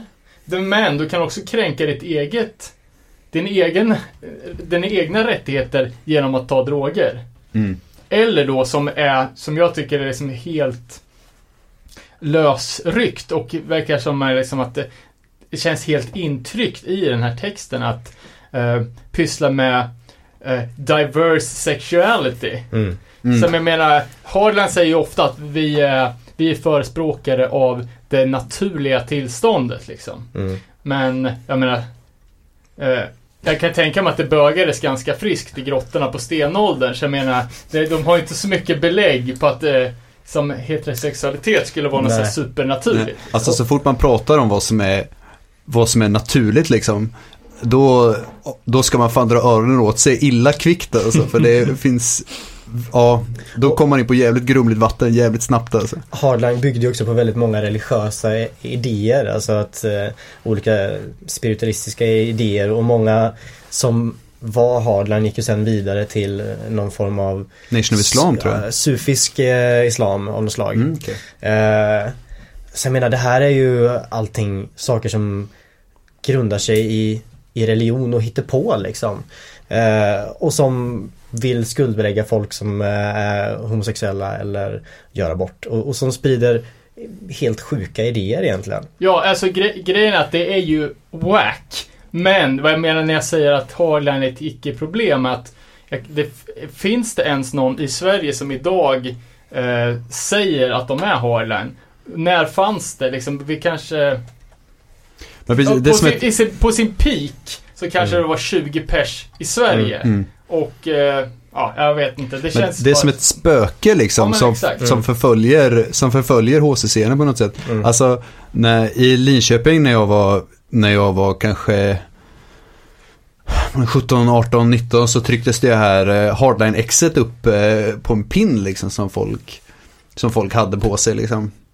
Eh, och alltså så här, som straight edge och sen så när jag blev vegan ännu mer då, alltså så här, man är, när man är, ja men typ 17, 18, 19 bast bara, det här, det här är det hårdaste som finns. Det här, fast, fast de är dumma i huvudet, fast, fast det här är coolt. Och Ja, typ det, är ju, och de har, det har ju en väldigt tilltalande estetik. Och det är därför som, som jag tycker att vi ska vara jävligt försiktiga med, med hardline. Och för jag, jag vet att det kan vara lockande för någon som är ung och vill hitta det allra extremaste och som kanske till och med är lite förbjudet som, som man kan provocera folk med. För Alltså vi var ju där när vi var 17-18. Vi tyckte ju att hardline det är lite coolt liksom. Och ja, ska inte sticka under stol med att, att hardline spelade en viss eh, roll i, i vår politiska utveckling. Sen lyckades vi gå mot en, eh, mot en anarkistisk skolning istället för en religiös liksom. Eh, vilket jag tycker är jävligt gött. Om man ska komma in på det lite också, om vi, eh, just med VC Media och det här som ni Mm. hade. Eh, där eh, drev ni, ni gav ut massa fanzine med olika teman, men ni hade också den här bloggen där ni skrev massa Mm. texter liksom. Eh, kan ni inte berätta lite om det Jag ska arbetet? bara, bara dra en, en teori om det här med Harlan. Att det, eh, jag ska säga på att det språnger ur, ur okunskap. Som vi var på, inne på inledningsvis. Liksom att typ de nya kidsen som eh, kanske har den här hardline, eh, ja, med symboler och eh, så här, att de inte riktigt har kläm på vad det var i och med att det har varit typ dött sedan 90-talet. Mm. Och att när det var på tapeten första gången var ju faktiskt liksom innan internet. Och att Mm. folk inte riktigt hade koll på vad det handlade om egentligen. Menar, Och nu när internet finns så kan man ju hoppas att de här kidsen kan slippa ta den omvägen som vi gjorde. Eller vad man ska kalla det för. Och som kan gå direkt till någon form av vettig ideologi istället för att Ta en omväg via någon komplett slags- trams. Liksom. Ja, något, något tramsigt kvasi-religiöst fascistsektigt. Verkligen. Nej men jag tänkte på det ni sa när ni, när ni snackade om Hardline Man och så här med, med politik först och musik sen. Mm. Eh, det är väl också lite under den Eh, Ja, det, så har vi jobbat senare också. Eh, just med spiken tänker jag. ja, Ja. jo, jo, så var det. Alltså Spiknykter föddes ju eh, 2005 egentligen för att vi gick runt Linköping och var sura på att alla pratade om om politik men det var som ingen som ville göra någonting. Det var svårt att få folk att skriva brev till fångar liksom. Det Mm. var väldigt Folk ville gärna ha en politisk image men det, det var inte så mycket så mycket mer än så liksom. Och då så hade vi en idé om att vi ville starta ett, ett politiskt hardcoreband med politiska aktivister. Och först, vi började skriva texter 2005, jag tror vi repade första gången 2010. Eh, vi hade någon idé om att vi skulle ut något eh, dikt, en diktsamling liksom. Eh, eh för att vi inte hittade någon som ville spela liksom. Och problemet var ju att vi var för upptagna med politisk aktivism för att lära oss spela musik egentligen. Så, och för att ha tid att starta ett band. Så, eh, så därför var det här mer av ett eh, teoretiskt projekt ganska länge. Tills vi egentligen flyttade till Göteborg och hittade lite folk att börja spela med. Ja, men och de första texterna vi skrev var ju väldigt mycket en så här, eh, dels att så här, eh, en, eh, ja men ett ifrågasättande av den här politiska ytan liksom. Och, eh, och sen så bara ren, en ren jävla handbok i säkerhetskultur och, och olika saker liksom.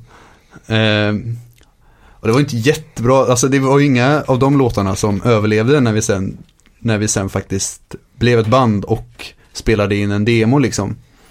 Eh, men det var det som var, som var grunden. Och det, var fortfarande, det är fortfarande det som är tanken med Spiknykter, att det ska vara ett politiskt band med politiska aktivister.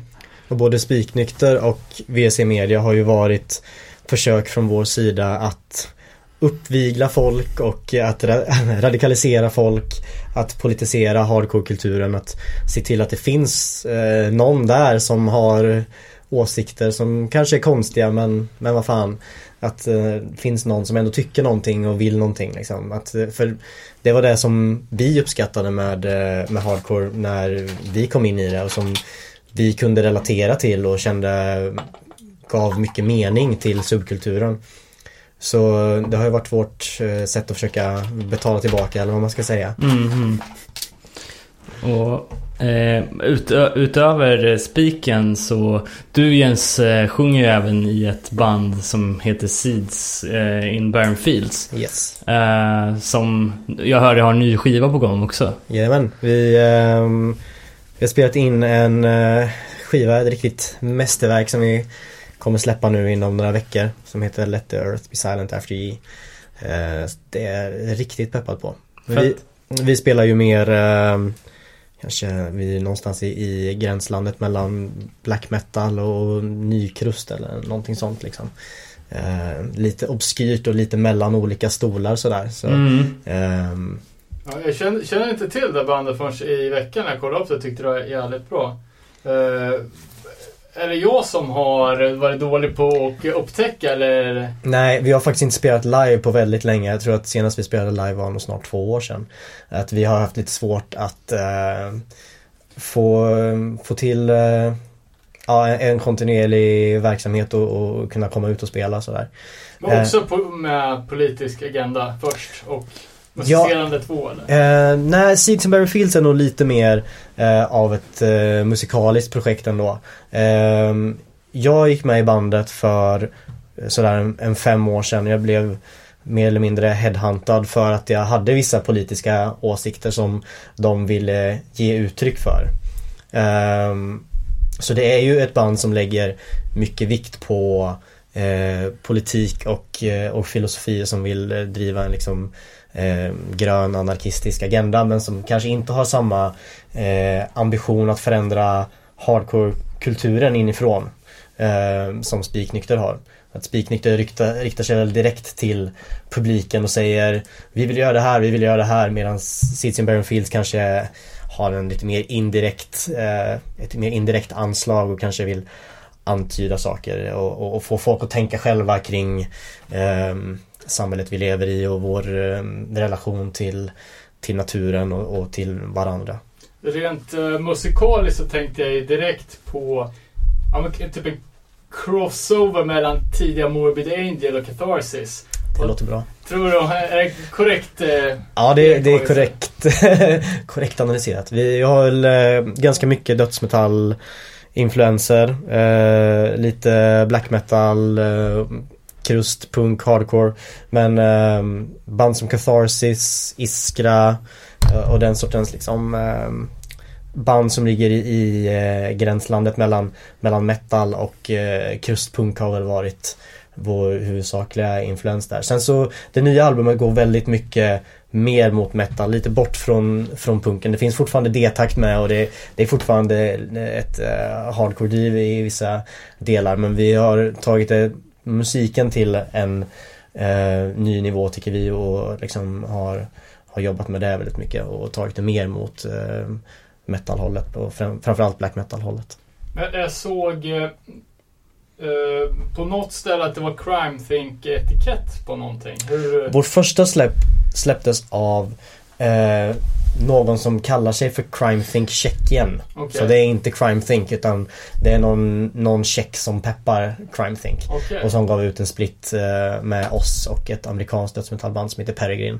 Som har ungefär samma eh, idéer som vi. Eh, Peregrine leds av en, en kille som heter Kevin Tucker som har skrivit eh, väldigt mycket eh, bra grejer om, om grön anarkism. Eh, jag tänkte att jag skulle, för mig i alla fall, avsluta med några eh, små frågor här. Eh, några korta grejer. F- först och främst tänkte jag på det här, eh, jag ska säga, inte säga ökända, men eh, det här, eh, den här profilbilden som ni hade med spiken när ni brände svenska flaggan. Hur mycket skit har ni fått för den bilden egentligen? Alltså, eh, det är väl den bilden vi fått me- eller det med spiknycklar som vi har fått mest skit för. Men det är ju, det är ju skit som jag, jag har inte kommit någon, någon skit från inifrån hardcore-scenen liksom. Däremot tycker folk utanför hardcore-scenen att det är, att det är, är ståligt liksom. Men, alltså nationalism, det är ett jävla trams. För det får folk att, eh, man, man spelar ut folk som har samma intresse mot varandra. Istället för att man ska kunna samarbeta mot de som faktiskt sitter inne på den riktiga makten över en liksom. Vi hade nog faktiskt blivit lite oroade ifall vi hade fått skit från inuti hardcore-scenen för att vi brände en svensk flagga. Det är ändå sånt som... Jag tycker det var ganska svårt att se elden på den där Ja, jag vet. bilden. Alltså, det är så jävla svårt att bränna flaggor alltså. De, de har något så här flamskyddat medel. Man får ha hur mycket så här eh, jävla medel som helst som brinner. Så vi kanske får ta om den. Vi får göra det bättre, göra om, göra rätt. Photoshoppa in lite mer eld. Precis, vi, vi ska ringa Michael, Michael Bay och kolla om han kan, om han kan göra någonting åt den här bilden. Jag vet, inte, eh, vi har ju börjat få lite slut på internet här. Vi har ju spelat in väldigt länge. Jag bara några få funderingar på eh, det här med anarkismen. Vi, eh, eh, se hur jag ska formulera frågan. Men jag, eh, jag var mina, med, med ett par kompisar för, för länge sedan som hade ett anarkistiskt bokbord. Mm. När det kom fram en, eh, ja det var en nazist liksom. Och försökte eh, alltså förena ideologierna genom att kamp mot stat per definition blir nationalism. Har, är det någonting som ni har stött på förut? Det låter som en total motsägelse. Ja, jag tycker att det är trams alltså. Men det var ju inte så, så konstigt kanske om det kommer från en nazist. Men eh, alltså anarkismen motsätter sig nationalismen som, som struktur liksom. Och nationalismen och staten hänger ju väldigt mycket ihop liksom. En stat, eh, ett folk, en nation. Eh, och det är något som anarkismen motsätter sig. Liksom, oavsett vilka vi är liksom, så ska vi, vi ska eh, regera över oss själva. Eh, och eh, liksom eh, ta de beslut som vi, som vi själva tycker, eh, eller så här, de beslut som påverkar oss ska vi ta själva liksom, så att vi får tillbaks kontrollen över våra egna liv. Ehm, Det är självorganisering helt enkelt. Vilket vi tycker är samma grund som, som hardcore-scenen baseras på. Att ja, hela DIY-tänket. liksom. DIY-tanket går ut på självorganisering och, därför ser vi väldigt starka kopplingar mellan punk och, och anarkism liksom. Intressant. Ja, jag, jag, jag, fan, jag, jag har inte riktigt fattat. Jag är ju väldigt dåligt påläst också. Och ni kanske kan tipsa om eh, eh, anarkistiska eh, liksom, eh, skrifter som, som intresserade kan kolla upp. Mm. Eh, men jag brukar skämtsamt eh, förklara anarki som eh, Augustibulle-campingen. Liksom. Så, eh, anarki i Sverige i två månader så ser det ut som campingen. Jag skulle säga att det är snarare tvärtom. Att Augustibulle-campingen är manifestationen av ett tillfälle där ingen tar ansvar. Anarkism handlar om ett samhälle där alla tar ansvar. Ja, men gör folk det? Alltså, jag, jag är ju lite av en misantrop också så det går, går liksom stick i stäv med eh, alltså både liksom socialismen och eh, anarkin liksom har ju ändå någon typ av tro på människan. Mm. Eh, det känns ju som att eh, anarki hade varit helt fantastiskt om inte människan per definition hade varit ond. Jag tror att människor har en väldigt, väldigt stark instinkt att samarbeta med varandra. Och det är, om man ska prata om, om anarkistiska klassiker så jag gillar Kropotkin väldigt mycket som är en gammal rysk anarkist. Och nu kommer dels en bok som heter Inbördes hjälp, eh, SACs förslag, eh, förlag Federativ ska ge ut den igen. Och sen så håller vi på och jobbar på att kunna ge ut en, en eh, eh, ny uppdatering av en bok eh, av honom som heter Erövringen av brödet. Så vi ska försöka vara klara med det någon gång eh, innan, ja, innan året är slut, min tanke. Eh, men eh, inbördes hjälp handlar ju om, om samarbete och hur viktigt det har varit för, för mänsklig evolution. Liksom. Eh, och jag tror väldigt mycket på det. Jag tror att människor vill samarbeta med varandra. Eh, om man bara ges, ges möjlighet och tillfälle liksom.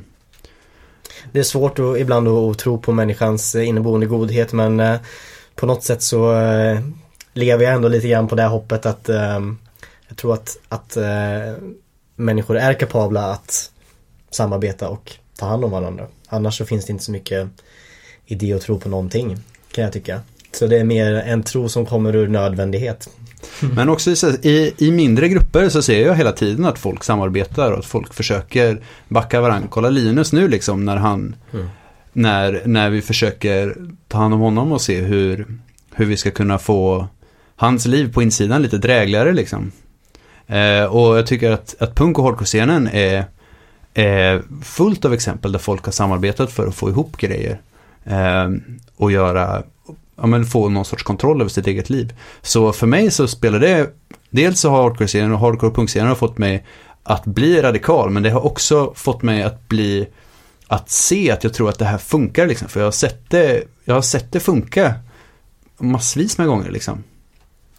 Eh, så det, det, det hoppet drivs, drivs jag av och lever jag på. Så jag tycker, ja, All right. ja, vad, vad tror ni om eh, ehm, anarkism kontra eh, ultraliberalism då? Vad är skillnaden? Oj. Alltså anarkismen är ju grundläggande kollektiv skulle jag säga. Mm. Nu kommer jag säkert få mothugg av folk, men eh, liberalismen är för mig att så här, jag som individ ska ha kontroll över mitt eget liv. Och anarkismen är att vi som grupp ska ha kontroll över våra egna liv. Att där liberalismen handlar om att om jag ska sköta mig själv och skita i alla andra så är anarkismen att säga, men vi måste ta hand om varandra. Eh, och vi måste samarbeta för att komma någonstans. Så det tycker jag är den, den fundamentala skillnaden liksom på anarkism och, och, anarkism och, eh, och liberalism. Eh, att det finns en samarbetstanke i, i anarkismen som, som inte finns i liberalismen. Där finns det, eh, om anarkismen eh, liksom definieras som samarbete så definieras liberalismen och konkurrens. Och jag tycker att de, är, de två sakerna är helt väsensskilda och står Ja. som motpoler mot varandra. Ja, jag, jag tänkte liksom på de frihetsfrontare, ultraliberalister som, ja, men som eh, på pappret står för ganska mycket lika grejer som Ja men som till exempel den anarkistiska rörelsen. Men Ja. jag förstår alltså det en ganska uppenbar skillnad i kollektivet och det personen. Liksom. Ofta så pratar ju liberaler snarare om eh, liksom, eh, rätten till eh, egendom och alltså eh, ägandets eh, friheten att, att äga saker. Och det är ju ingenting som finns i anarkismen utan där handlar det ju snarare om ett, ett kollektivt ägande eller ett, inget ägande alls. Eh, det finns en, en gammal sägning att ägande är stöld. Alltså att eh, allting ska ägas kollektivt. Vi kanske kan avsluta med lite breaking news här att Svenskarnas parti lägger ner. Eh, Va? det- ja. Får vi se vad de jävla dårarna som är där gör sen, men... Eh, Det är ju positivt för nu i alla Ja, fall. de har Ja. inte konverterat i alla fall. nej. Nej, De ska lång bilda något nytt eh, parti tillsammans med Gustav Kasselstrand. Ja, det, berges står, alltså. det står att de lägger ner på grund av dåligt valresultat och vikande medlemsunderlag. Vikande medlemsunderlag är gött alltså. Mm. Ja, det är bra. Får vi Eh, se om alla går med i SMR istället och vi får de jävla tokarna på oss. precis. Men eh, det är bara att, det är bara att kämpa på. Eh, innan jag slänger ut sista frågan här så tänkte jag bara kolla om ni vill eh, säga någonting innan ni eh, dundrar hemåt igen eller något avslutande. Hmm. Annars får, ja, annars får vi tacka så mycket för att ni var med alltså. Ja, tack så hemskt mycket för att Ja, fick och för komma. det, Tack för att det ni gör. Alltså, Ja, verkligen. Kom ihåg att skriva till Linus nu och till de andra som sitter, det är väldigt viktigt. Mm. Eh, adresser eh, finns. Finns på internet. Finns Jag blir så jävla nervös där med, med Linus. På, alltså, cy, cynisk som han är. Så jag, jag tänker att eh, om killen som är ny får 200 brev första dagen så kommer Mm. han, alltså det är ganska bra att vara rätt anonym när man sitter inne. Jag vet inte, det beror lite på i vilket, vilket eh, sällskap han har. Ja, när... Så Eh, sp- sprid gärna, har ni tänkt att skicka brev så sprid gärna ut dem lite så att, det, är också, det är också viktigt att så här, börjar man skriva med någon, visst man kan skicka ett vykort en gång liksom och det kan vara gött. Men det kan också vara bra att försöka ha någon sorts kontinuerlig kontakt liksom och Mm. välja, om man känner, att man orkar skriva till, till 30 pers liksom, då, då kan man välja en och hålla en kontinuerlig kontakt. Och tänker Det att är, det är bra. det är lätt att stödet eh, sjunker allt eftersom eh, fängelsetiden går liksom. Mm. Och att eh, det är ju det som är viktigt som vi pratade om i början är att, ehm, att meningen med fångstöd är ju att vi ska motverka den här känslan av isolering. Så att, jag menar, ehm, de som sitter inne slutar inte känna sig isolerade bara för att de fick 200 brev första veckan. Utan eh, det- det här är någonting som vi måste jobba med under hela deras eh, tid i fängelset. Mm. Liksom, att de måste känna att de har ett stöd utifrån. Men för att komma tillbaks till det som, som du sa i början. Att eh, när jag lyssnade på en, eh, en engelsk eh, djurrättsaktivist. Eh, som fick jätte, jättemycket stöd. Men det, för honom var det som inga problem. Folk bara, vad, vad har du gjort liksom? Fan, vilka är alla de här människorna liksom som, som verkar tycka att du är så jävla bra? Eh, så då fick han ju möjlighet att prata om det liksom. Mm. Men eh, Ja, jag tänker eh, en kompis som, som eh, ja, antifascist som satt in och som fick jobba tillsammans med en känd nazist liksom. Så bara så att man, inte vet jag. Det ska vara lite diskret på något sätt. Men Sista frågan då. Hardcore 2015, vad ser ni fram emot? Jag ser fram, fram emot uh, Flufffest. Jag tycker de har en jävla god uh, line-up. Mm? Mycket svensk representation på den eh, festivalen också. Mm, ja, det är faktiskt en del. Det är kul. Framförallt peppad på Trial. Det kommer Mm. bli fett. Ja. det är nu jag vill att du ska säga att du bara lyssnar på sånt som... Ja, jag lyssnar ju mest på band som, eh, har, som jag lyssnade på 2002. Eh, jag vet inte. Alltså jag är ju väldigt peppad på att se att eh, det ska komma en, eh, en fångstöds-CD eh, med där, eh, där så pengarna ska gå till, till fångstöd och så att de som sitter på insidan faktiskt kan få någonting inskickat. Man får inte skicka in brända skivor. Eh, så det tycker jag skulle vara jävligt fett. Mm. Eh, så den ser jag fram emot att någon ska Får styra du upp. göra den själv? Ja, jag får göra den. Tack så jättemycket. Tack. Tack, tack.